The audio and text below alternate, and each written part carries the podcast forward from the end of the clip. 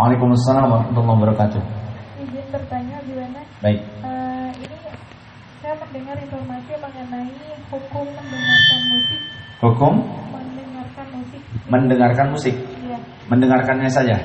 Eh, bermainnya juga. Di sini kan ada hadis riwayat dari hadis riwayat Tirmizi Imran ibnu Husain R.A. meriwayatkan bahwa Rasulullah Kurang jelas Mas, tolong Mas diperjelas Mas. Agak kencang aja, Pak. Agak kencang. Imran ibnu Husain R.A. meriwayatkan bahwa Rasulullah bersabda, umat ini akan melihat manusia-manusia yang dikutuk Allah hingga berubah wujud, bumi amblas dan hujan batu. Seorang sahabat bertanya, wahai Rasulullah, kapankah itu terjadi? Beliau menjawab, apabila para penyanyi wanita dan alat-alat musik sudah bermunculan hadis riwayat Tirmizi. Apakah itu hadisnya sahih dan bagaimana hukumnya? Hazbana. Terima kasih. Baik. Di dalam hadis itu ada kalimat yang saya inginnya sih bahasa Arabnya. Ada nggak bahasa Arabnya? Tidak ada. Coba nanti pelajari. Karena ada di dalam bahasa Arab tentang yang diartikan sebagai alat musik di situ ternyata berbeda dengan e, kata di dalam bahasa Arab yang digunakan untuk jenis alat musik yang tujuannya berbeda.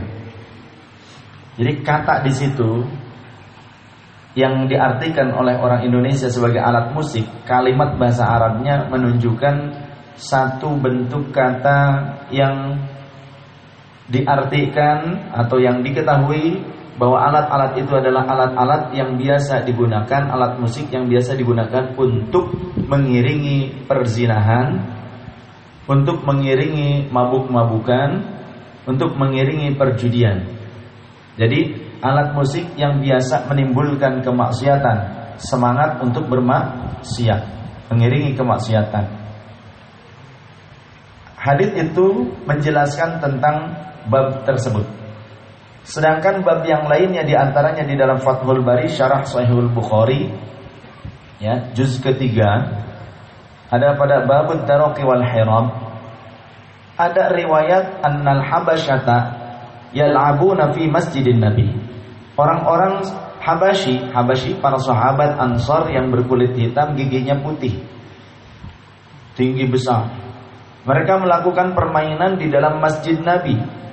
Ada beberapa banyak riwayat di situ dikumpulkan oleh Imam Ibnu Hajar Al Asqalani di dalam Syarah Sahih Bukhari. Ya babut taraqi wal hiram Kemudian di antara riwayat berikutnya dengan apa? Yadribuna bidhuffi mereka menabuh-nabuh rebana di dalam masjid. Rebana itu alat musik bukan? Alat musik. Tapi tujuannya pada saat itu digunakan untuk apa?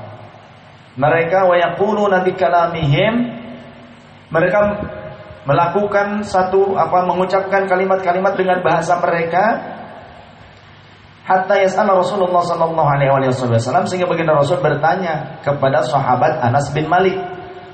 Wahai Anas bin Malik apa yang mereka ungkapkan?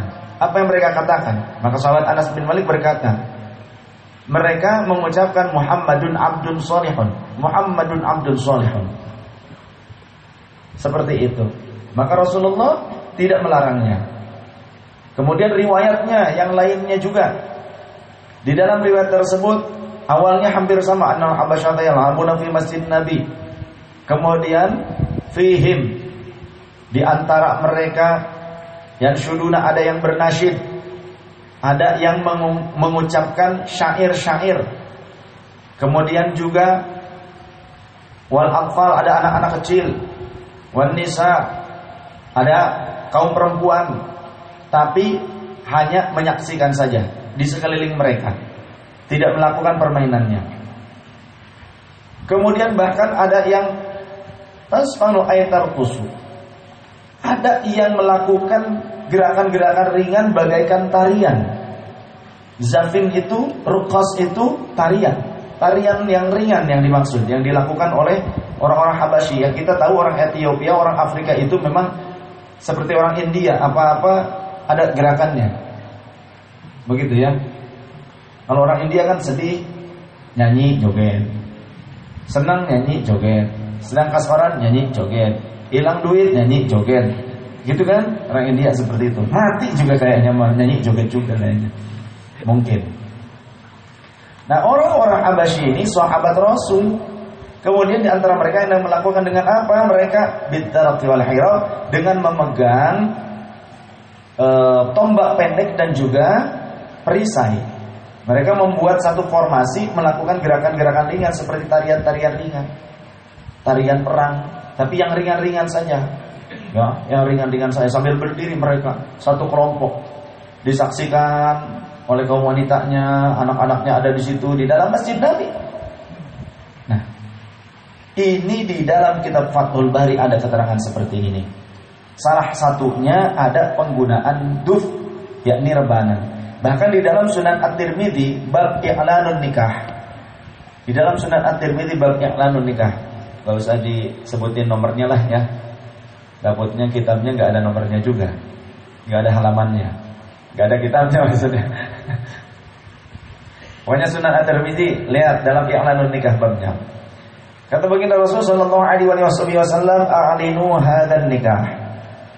Sebarluaskan berita pernikahan ini. Waf'alu fil masajid dan lakukan di dalam masjid. Wadribuhu alaihi bitufi dan wadribu alaihi bitufi dan pukullah untuk pelaksanaan ini di dalam masjid rebana-rebana kalian. Di sini kalimatnya bersambung pakai waw, waw, waw dan wawnya waw atof. Waw atof ini tergantung maktub alih. Ketika di awal dinyatakan waf'aluhu fil masajid dan lakukan akan nikah di dalam masjid. Kemudian waw berikutnya wadribu alaihi bitufi dan tabuhlah untuk akad nikah tersebut di dalam masjid maksudnya karena kan akan nikahnya juga di dalam masjid Bedufi dengan rebana-rebana. Dimeriahkan. Selama masih menjaga. Menjaga adab Jangan sampai pakai rebana Tapi tidak pakai adab ya? Lagunya Gun and Roses. Kan repot Pakai duk rebana tapi di dalam masjid menyambut ini apa memberikan kebahagiaan kepada mempelai lagu slang lagi ya ampun ya Bagaimana yang diperbolehkan? Syairnya seperti apa? Dalam Al-Quran Allah menyatakan syair itu ada syair yang diridhoi Allah Ada juga syair yang tidak diridhoi Allah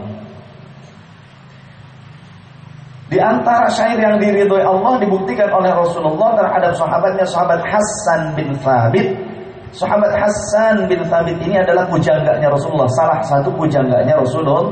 Rasulullah. Setiap kali menjelang sholat, sahabat Hasan bin Thabit sudah ada di dalam masjid. Jadi pada saat Rasulullah masuk ke dalam masjid Nabawi, sahabat Hasan bin Thabit berdiri, berdiri menyambut Rasul dan bersyair, bernasyid di hadapan Rasulullah. Rasul tersenyum mendekapnya, kemudian memegang dadanya dan mendoakannya, Allahumma ayyidhu biruhil qudus.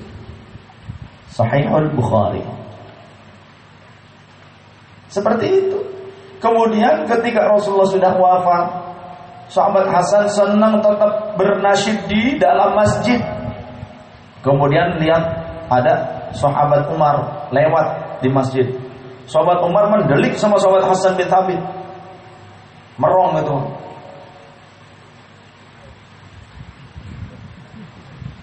Wah, mantap tatapannya bagaikan singa.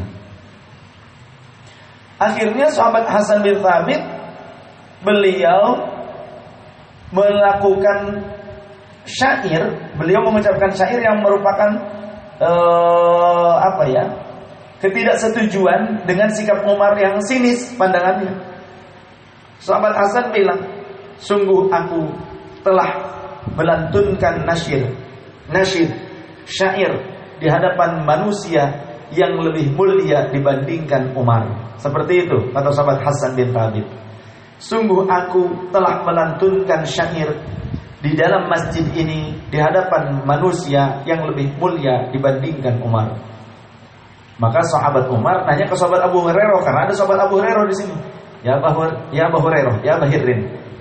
Apa benar ada cerita bahwasannya Rasulullah mendoakan Hasan bin Thabit ketika bernasyid menyambut Rasul di dalam masjid? Oh ya betul. Kata sahabat Abu Hurairah, Rasulullah mendekatnya, Rasul tersenyum, memeluk beliau, menyentuh dadanya sambil berdoa, Allahumma ayyidhu biruhil qudus, ya Allah teguhkanlah Hasan bin Thabit ini dengan malaikat Jibril. Bimbinglah dia oleh malaikat Jibril. Masya Allah. Seperti itu. Ya. Karena sudah jam 23, saya ingin membaiah. Saya ingin membaiah